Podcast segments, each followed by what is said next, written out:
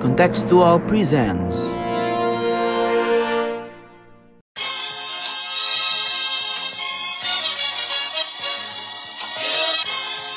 sondern wir schaffen uns unseren Staat. Mr. Gorbachev, open this gate. Together, we will make America great again.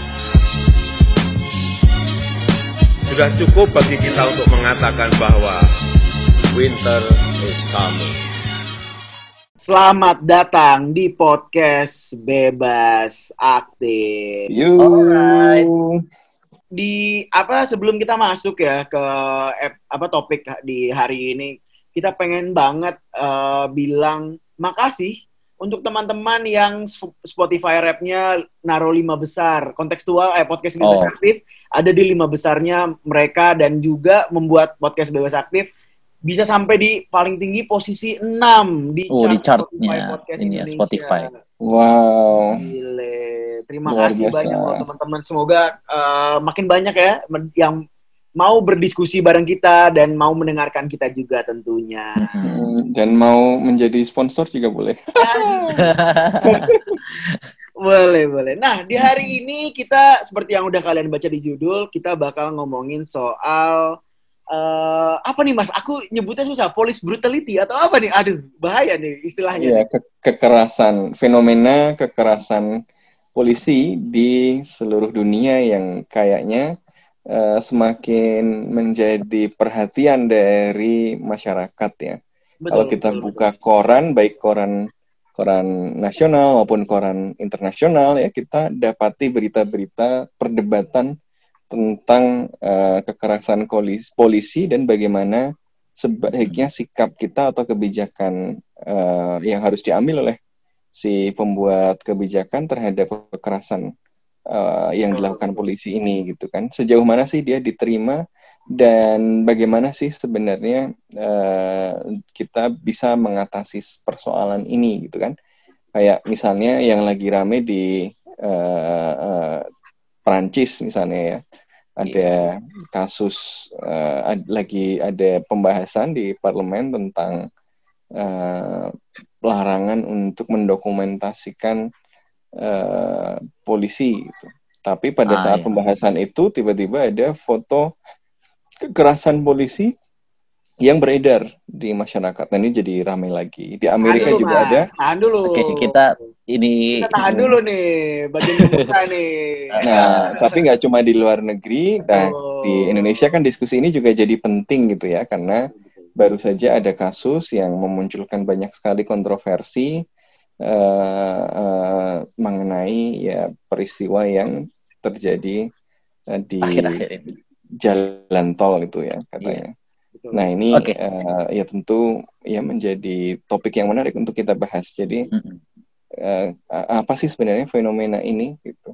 Eh, kekerasan eh, polisi eh, itu kalau dilihat dari kacamata eh, global soal peran negara, batas-batas kewenangan negara eh, itu sebenarnya sampai di mana dan bagaimana kita bisa mengelolanya, mengendalikannya. Alright.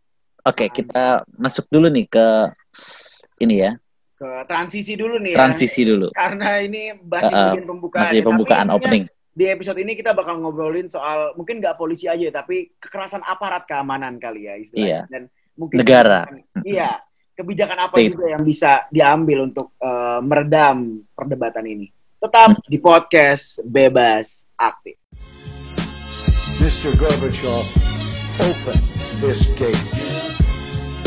Together, we will make America great again. Oke, kita masuk ke segmen pertama. Ini bukan segmen pertama nih, karena sebenarnya podcast ini cuma ada Satu segmen aja ya. Kali ini ya. Eh, tapi sebelum itu jangan lupa buat follow kontekstual di Instagram dan Twitter karena banyak banget informasi-informasi yang informatif juga ya di sana Mm-mm. dan juga tonton eh, channel YouTube-nya. YouTube kita ya. eh, kontekstual, Hmm. cari aja kontekstual atau cari aja podcast bebas aktif itu di kolom pencarian YouTube kalian bisa nemuin konten-konten kita itu udah keren-keren banget dan apa ya eh, juga ada yang seru, ada yang lucu, ada yang serius ya kan ada yang edukasi ada yang Iya. Ada yang eksklusif hanya ada di YouTube, tidak ada di Waduh, yang lainnya. Mantap, betul banget ditonton aja. Dan jangan lupa juga buat baca-baca artikel kita di kontekstual.com. Oke, eh, kita langsung masuk nih. Gimana Jit? Mungkin bisa ceritain soal eh, kenapa sih kita memilih topik ini gitu? Ya, dan kenapa Oke. topik ini jadi rame sekarang. Iya, ini eh, topiknya sedang hangat karena di akhir-akhir ini di tahun ini kita melihat banyak kekerasan yang melibatkan eh, ap- apa namanya negara gitu ya. Di Indonesia baru ba- eh, baru saja ya beberapa waktu yang lalu ada kabar tentang eh, terbunuhnya gitu ya orang-orang yang dianggap menghalangi kinerjanya kepolisian sehingga eh, mereka dibunuh gitu ya. Tapi ap- eh, kita kan timbul pertanyaan apakah karena ini urusannya dengan nyawa kan kemudian timbul pertanyaan apakah pembunuhan ini eh, apa namanya adil atau eh, bisa terjustifikasi atau tidak. Dan ini tidak hanya fenomena Indonesia di Amerika kita kenal apa namanya fenomen apa pembunuhan bukan pembu apa secara tidak sengaja katanya ya George Floyd yang kemudian memicu aksi besar-besaran Black Lives Matter di pertengahan tahun 2020 ini. Juga yang tadi sudah dimention Mas Sofan dari Prancis juga tentang isu eh, apa namanya eh, hubungan antara kepolisian dengan masyarakat gitu ya. Nah ini kan timbul pertanyaan-pertanyaan gitu. Eh, kalau kita belajar di politik gitu ya, di HI, negara itu kan satu-satunya institusi ya yang memiliki eh, penguasaan yang sah terhadap kekerasan, gitu ya. Eh, satu-satunya institusi yang secara sah dan legal memiliki instrumen untuk kekerasan. Nah, tapi instrumen kekerasan oleh negara ini kan kemudian diatur, di- digunakan untuk apa dan eh, ditujukan kepada siapa seperti itu kan. Nah, kemudian timbul pertanyaan ketika mereka menggunakannya untuk eh, masyarakatnya sendiri, apakah ini bisa terjustifikasi? Eh, masyarakat yang seperti apa yang bisa digunakan apa namanya yang bisa dihadapi dengan menggunakan instrumen kekerasan seperti ini pada aksi-aksi yang seperti apa? Nah, itu kurang lebih yang pertanyaan-pertanyaan yang kita ingin coba jawab gitu ya, kurang lebih dengan melihat fenomena yang ada di akhir-akhir ini. Ini eh, tidak hanya di kita tapi juga terjadi secara global. Ada tren apa secara global sehingga peristiwa ini bisa menjadi ter- eh, terjadi kurang lebih seperti itu. Oke, benar benar benar benar. Dan eh, mungkin kalau misalnya gue bisa langsung masuk nih ya. Mm-mm. Em, sebenarnya bukan bu, gue nggak bisa bilang semua negara tapi berbagai macam bentuk negara mau dia maju iya. mau dia berkembang mau dia diktator mau dia demokrasi atau apalah istilahnya Mm-mm. itu pasti ada perdebatan karena memang masih ada permasalahan soal ini gitu di dalam Iya. masyarakatnya gitu kan jadi eh, mungkin kalau dibilang wah ini cuma terjadi di negara non demokrasi misalnya enggak nggak bisa Enggak dibilang juga. kayak gitu Amerika negara Tadi ya. demokrasi. katanya gitu kan. Tapi ya uh, buktinya uh, kemarin yang bikin seluruh dunia gempar ya George Floyd Oh, oh. terjadi gitu kan. Jadi memang kan gimana iya. Jit? Prancis juga asal usulnya demokrasi kan. Iya. Tapi dari keberatan itu ternyata ada masalah juga. kan selama ini kan selalu dibilang yang apa seperti ini hanya akan terjadi di negara yang tidak demokratis tapi loh ternyata kita lihat sekarang negara-negara yang demokrasi bahkan nenek moyangnya demokrasi pun seperti itu gitu ya. Jadi apa ini sebenarnya gambaran demokrasi? Waduh. Waduh. Wah ini mulai mulai bahaya ini. Wah ini Kalau eh, ya Mas Sofan dulu boleh, Mas Sofan Nah. silakan Mas. Silakan buka. sih kalau eh, apa ya menurut gue ya eh, pertama pertanyaan kenapa sekarang eh, banyak muncul eh, pembahasan atau eh, fenomena mengenai kekerasan aparat keamanan gitu ya.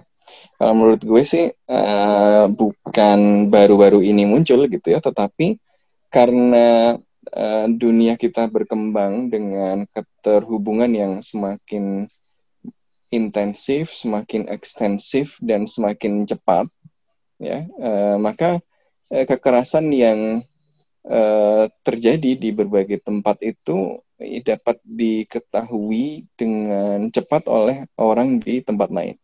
Ya kalau dulu kita harus mengandalkan informasi berupa apa video atau rekaman yang direkam oleh profesional hari ini kita semua adalah pewarta profesional ya kan karena Iya. kita punya HP kita bisa ngerekam di mobil ada dashcam di tol ada CCTV kalau nggak mati ya kan Eh, dan eh, banyak eh, hal yang lain gitu ya yang kemudian membuat informasi-informasi itu bisa eh, bisa direkam dan disebarkan dengan cepat dengan eh, lebih meyakinkan gitu Eh, sehingga monopoli terhadap kebenaran itu tidak bisa dilakukan lagi oleh eh, satu kekuatan yang dominan gitu. lebih cair lagi ini eh, relasi eh, kekuatan informasi jadi eh, eh, information powers itu terdistribusi dengan lebih eh, luas sehingga eh, berita-berita atau kabar-kabar semacam ini muncul eh, dengan eh, cepat dengan tidak bisa diatur lagi gitu. karena itu ya tadi eh, Black Lives Matter itu terjadi di Amerika tapi kemudian dampaknya gelombangnya sampai ke seluruh dunia misalnya. Eh, satu peristiwa di satu tempat ya kemudian berdampak eh, menjadi jauh lebih luas lagi. Karena eh, kalau zaman dulu cerita aja powernya atau kekuatan buktinya juga kurang. Sekarang ada gambar gitu kan. Eh, dan itu berpindah dengan sangat mudah. Nah ini membuat kasus-kasus ini menjadi perhatian publik jadi eh, bukan jumlahnya meningkat tetapi exposure terhadap kasus ini kemudian menjadi meningkat. Yang kedua, em, barangkali jumlahnya juga meningkat eh, karena eh, ya kita berada di dalam situasi eh, instabilitas ya karena banyak eh, perubahan di dalam masyarakat kita ya dari tatanan internasional ini sedang mengalami eh, apa guncangan gitu karena eh, basis eh, normatifnya yaitu eh, misalnya promosi perdagangan bebas dan eh, yang menjanjikan kesejahteraan untuk semua dan kemudian eh, apa multilateralisme yang menopang itu itu di- dianggap tidak memenuhi eh, apa yang dijanjikan eh, ketika kemudian tatanan internasional ini diglobalisasi dan ditawarkan ke seluruh dunia gitu kan. Diskonten tidak hanya muncul di selatan muncul juga di utara. Nah ini kemudian karena banyak instabilitas ini eh, banyak ketidakpuasan konflik menguat gitu. Karena eh, ketika ada masalah eh, struktural ya ketika ada masalah yang kemudian membuat kondisi ekonomi kelompok atau personal itu memburuk dia butuh melakukan sesuatu untuk me- memperbaiki keadaan gitu kan. Baik secara eh, real maupun secara simbolik saja ya.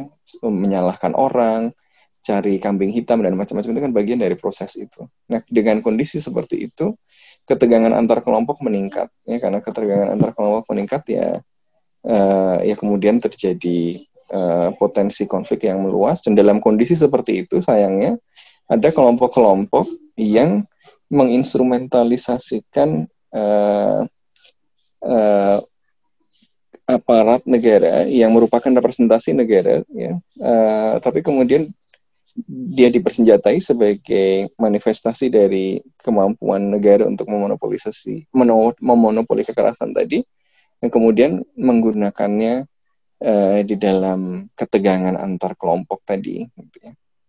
Nah ini eh, menurut gue dua faktor ini satu eh, demokratisasi informasi membuat kita lebih aware kedua ya instabilitas di dalam tatanan eh, global, eh, nasional maupun lokal ya, yang terjadi karena kemandekan eh, globalisasi. Oke, Mas, eh, aku mau nanya. Tadi Mas Sofwan ngomongin soal eh, monopolisasi kekerasan atau eh, monopolisasi berarti kan ah, senjata lah ya dari negara. Cuman kan kalau yang terjadi di Amerika Serikat eh, tidak monopolisasi senjata juga tidak memberikan apa ya? Memberikan solusi Jaminan ya. Iya, solu dan jaminan dan solusi yang eh, aman untuk semuanya alih-alih dua-duanya de- deter gitu ya ini malah dua-duanya saling baku tembak gitu Exactly. Iya, iya. dan tapi Exactly. tapi tapi mu- tapi kalau aku ah, maksudnya kalau aku mau eh, bilang di satu sisi lagi ya bahwa ketiadaan polisi gitu misalnya kayak waktu apa ada cas itu di Seattle itu juga tidak menjadi bukti bahwa apa eh, ketiadaan polisi eh, menjadi hal yang baik gitu karena eh, nggak tahu ya mungkin solusinya butuh si scambling kali ya Itu apa eh, ronda. atau negara gitu ya, tapi di tingkat eh, komunitas yang eh, melindungi masing-masing komunitas. Maksudnya ini perdebatan yang sebenarnya pelik Iya. loh. Kalau menurutku ini eh, Iya. Indonesia mungkin belum Tapi- sampai seluas itu ya, tapi Pil- pilihannya kan nggak cuma dua itu. Pilihannya kan nggak cuma membiarkan eh, warga juga memiliki senjata Hmm. atau kemudian membubarkan polisi sekalian kan nggak gitu. Eh, Mm-mm. pilihannya apa aja? Selain itu apa dong, Mas? Nah, j- jadi sebelum kita ngobrol soal pilihan-pilihan kebijakan yang menurut gue sangat kontekstual, ya Hmm. tergantung eh, kondisi eh, negara dan masyarakatnya.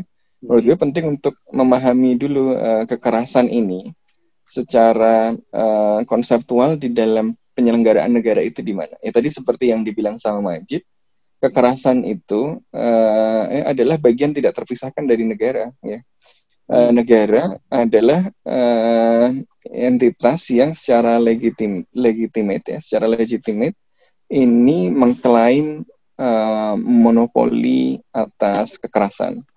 Eh, tapi hal ini ya kalau secara eh, konseptual ya kemudian di diterima, dimaklumi ya meskipun eh, apa eh, para filsuf misalnya atau para teoretikus memiliki pandangan yang berbeda sejauh mana penerimaan ini diberikan misalnya. Eh, tetapi kenapa kemudian negara bisa mengklaim ini dan dia menjadi konsensus? Karena eh, kalau kita baca misalnya tulisannya eh, Leviathan dari Thomas Hobbes ya atau eh, eh, tulisannya Locke ya, kita akan melihat bahwa meskipun mereka berdebat banyak ya mereka melihat bahwa negara ini memang memiliki fu- fungsi eh, tertentu yang membutuhkan kekerasan dalam derajat tertentu gitu. Ya manusia ini ketika eh, lahir gitu ya eh, di komunitas yang masih belum ada organisasi sosialnya eh, ketika mereka kemudian memperebutkan sumber daya yang terbatas ya mereka terjebak ke dalam eh, eh, homo homini lupus ya kan? Karena nggak ada aturan eh, semuanya punya kebebasan punya ya, kesetaraan eh, absolut gitu ya. Yang membedakan mereka tidak ada hierarki apa pun. Ya karena karena tidak ada hierarki apa pun tidak ada aturan apa pun ya untuk kemudian menentukan siapa dapat apa bagaimana ya melalui eh, kekerasan satu sama lain ya manusia menjadi serigala bagi Manusia Nah, yang lain. dalam kondisi inilah kemudian eh, negara muncul ya dengan kita menyerahkan sebagian kebebasan kita dengan kita menyerahkan eh, sebagian hak kita kepada negara maka kemudian eh, negara bisa menjamin hak kita yang lebih besar gitu dengan kita misalnya memberikan eh, hak eh, kita untuk memegang senjata api secara bebas seenak kita, maka kita menjamin diri kita dari ancaman orang lain bisa punya senjata api yang lebih besar dari kita dan mengambil hak kita dengan senjata api itu. Gitu. Jadi, Mhm. eh, oh biar negara saja yang kemudian memegang senjata api itu misalnya supaya eh, menjaga eh, supaya hak-hak saya juga terlindungi. Ya, saya memberikan hak saya untuk punya senjata api dengan bebas, tapi dengan itu saya melindungi diri saya dari ancaman orang lain yang bisa memiliki senjata api yang bisa mengancam saya juga gitu. Nah seperti itu. Jadi eh, negara itu memiliki hak untuk memonopoli kekerasan itu bukan tiba-tiba ya dia eh, hak itu hadir seiring dengan eh, fungsi yang dipercayakan oleh masyarakat kepada dia gitu ya. Jadi eh, eh, kebebasan kita berikan supaya kebebasan kita yang lebih besar itu bisa dijamin uh, atau um, kalau dalam versi yang lebih minimalis lagi peran negaranya tidak tidak yang Leviathan yang uh, sangat kuat begitu ya negara itu uh, entitas yang kemudian berfungsi untuk menjamin uh, terlindunginya hak-hak uh, alamiah atau natural rights ya dari manusia. Ini kalau ini yang dari tradisi liberal ya jadi negara itu uh, dia memiliki kewenangan untuk memonopoli kekerasan itu bukan diberikan cuma-cuma ya dia diberikan dengan tujuan sosial tertentu nah karena inilah kemudian dia juga tidak bisa digunakan sembarangan gitu. jadi karena dia diberikan supaya uh, masyarakat bisa terlindungi hak-haknya uh, supaya manusia bisa terhindar dari uh, saling membunuh satu sama lain ketika memperebutkan sumber daya yang terbatas tadi dengan munculnya keteraturan dengan munculnya uh, monopoli penggunaan kekerasan tadi maka penggunaan kekerasan negara itu juga harus sesuai dengan uh, dengan tujuan sosial ini. Ya, makanya uh, kekerasan misalnya melalui uh, militer itu harus melalui misalnya persetujuan kalau mau perang sama negara lain kan uh, ya seharusnya melalui satu proses politik tertentu ya.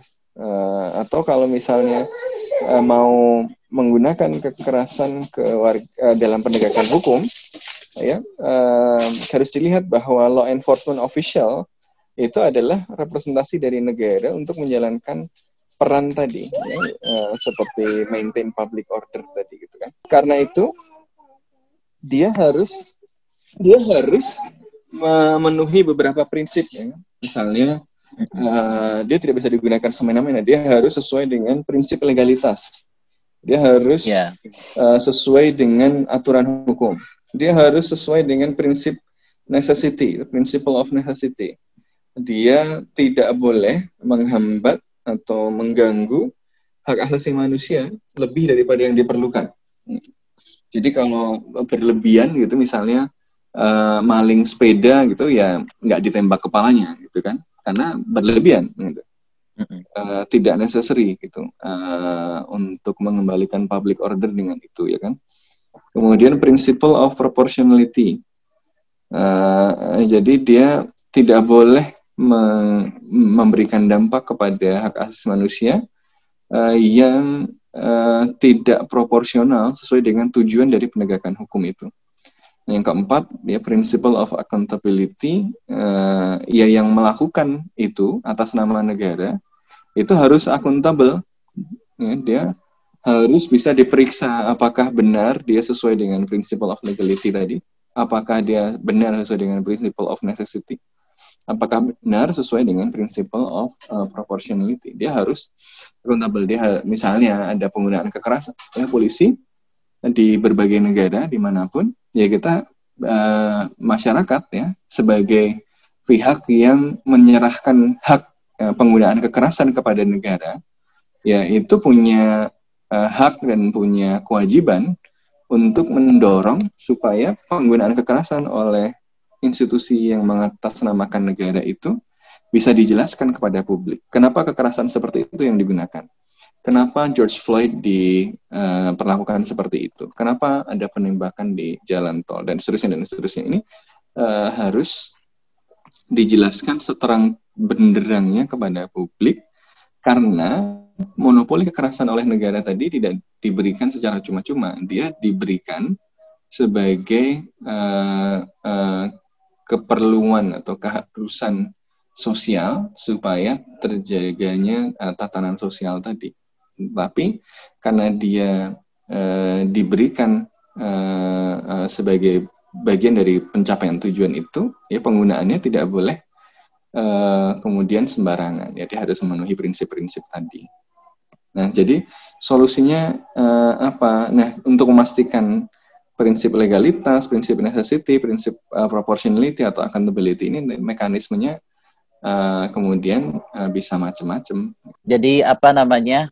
Uh, memang uh, ada semacam kompensasi ya antara uh, diserahkannya otoritas uh, itu kepada negara, tapi bukan berarti negara itu apa namanya memiliki otoritas yang sepenuhnya tidak perlu akuntabilitas. Apalagi di negara seperti Indonesia, seperti Amerika, seperti Prancis itu mereka ada prinsip-prinsip yang namanya good governance yang menekankan adanya akuntabilitas dari uh, negara ketika mereka melakukan suatu aksi tertentu apalagi yang menyangkut uh, terhadap uh, kehidupan masyarakatnya apalagi yang menyangkut tentang nyawa gitu kan ya. Nah, ini kemudian kan bisa kita lihat ada uh, pertanyaan lanjutannya.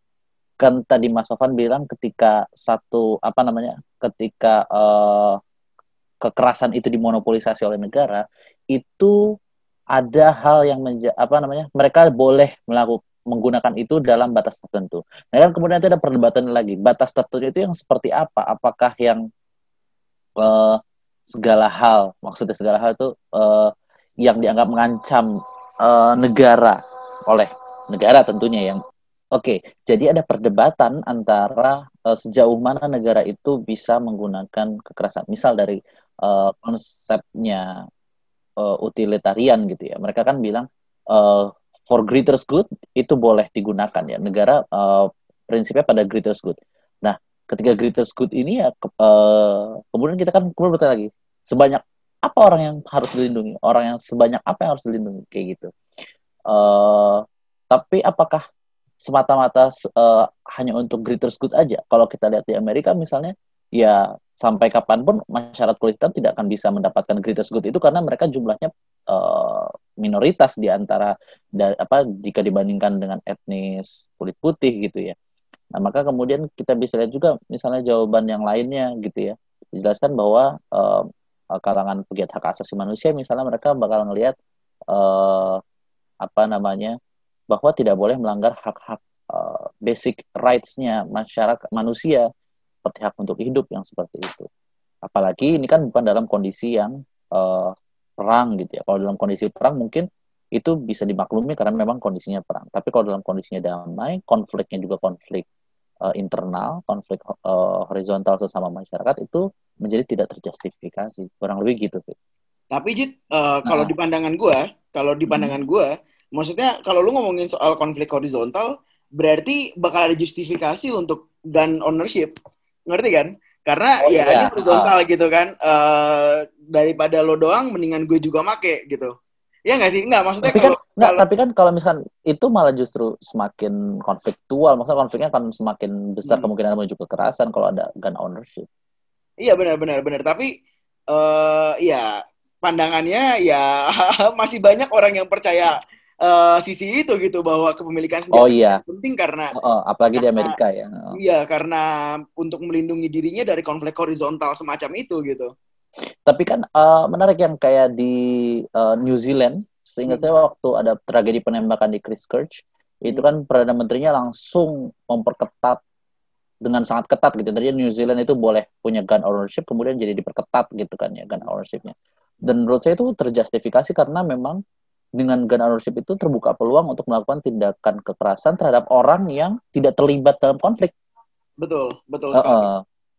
Betul sekali dan ya kalau di ya sesederhana ngelihat data school shooting aja di US ngelihat gimana. Oh iya. Iya kan, hampir setiap hari ada kasus kayak gitu dan maksudnya kayak kalau di rata-ratain ya dalam setahun tuh bisa sampai ada 300-an school shooting.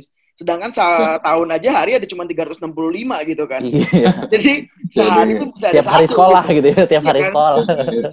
Jadi memang uh, ya memang sih uh, kalau kata istilah yang lebih grassroots mah lebih banyak mudorotnya ya Jit ya. Iya. Jadi klaim-klaim filosofis ideologis itu memang harus selalu dibenturkan dan dibandingkan dengan kenyataan empiris gitu loh. Ya misalnya oh, secara iya. filosofis, oh dukung Second Amendment, dukung hak untuk ini karena faktor historis uh, untuk menjaga dari kekerasan oleh negara misalnya. Nah, tapi uh, ya kemudian bandingkan itu dengan data uh, misalnya penembakan, ya kan akan kelihatan apakah uh, yang ideologis itu masih sesuai dengan uh, hari ini atau ya dia sebenarnya menjustifikasi sesuatu yang salah gitu kan.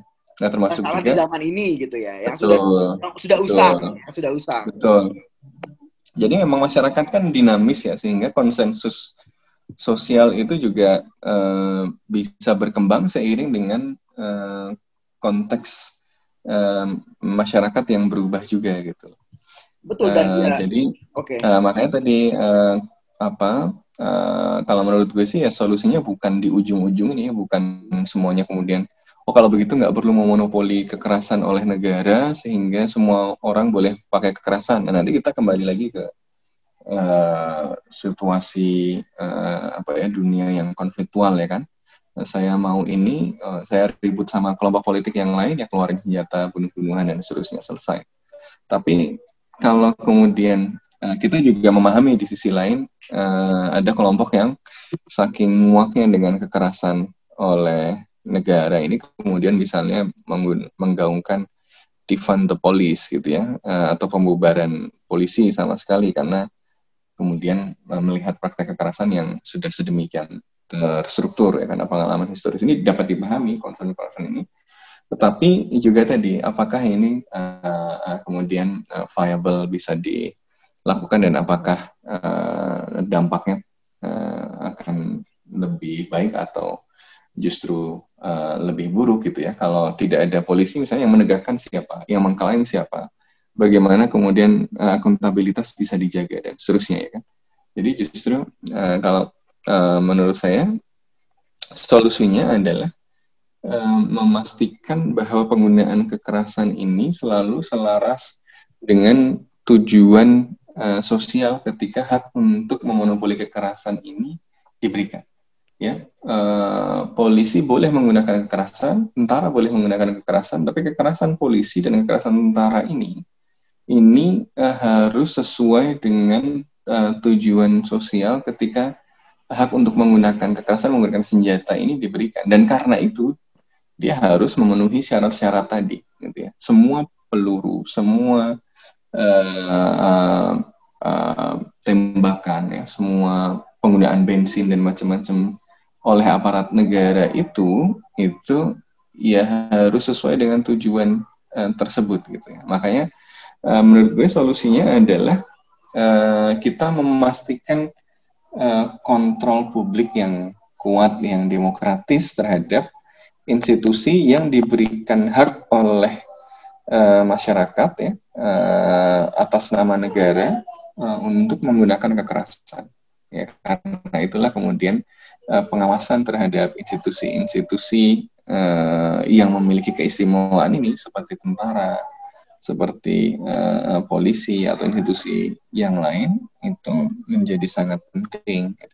Tapi di sinilah triknya, di sinilah kesulitannya di masyarakat yang eh, kehidupan eh, demokratisnya belum eh, terlalu eh, matang gitu ya.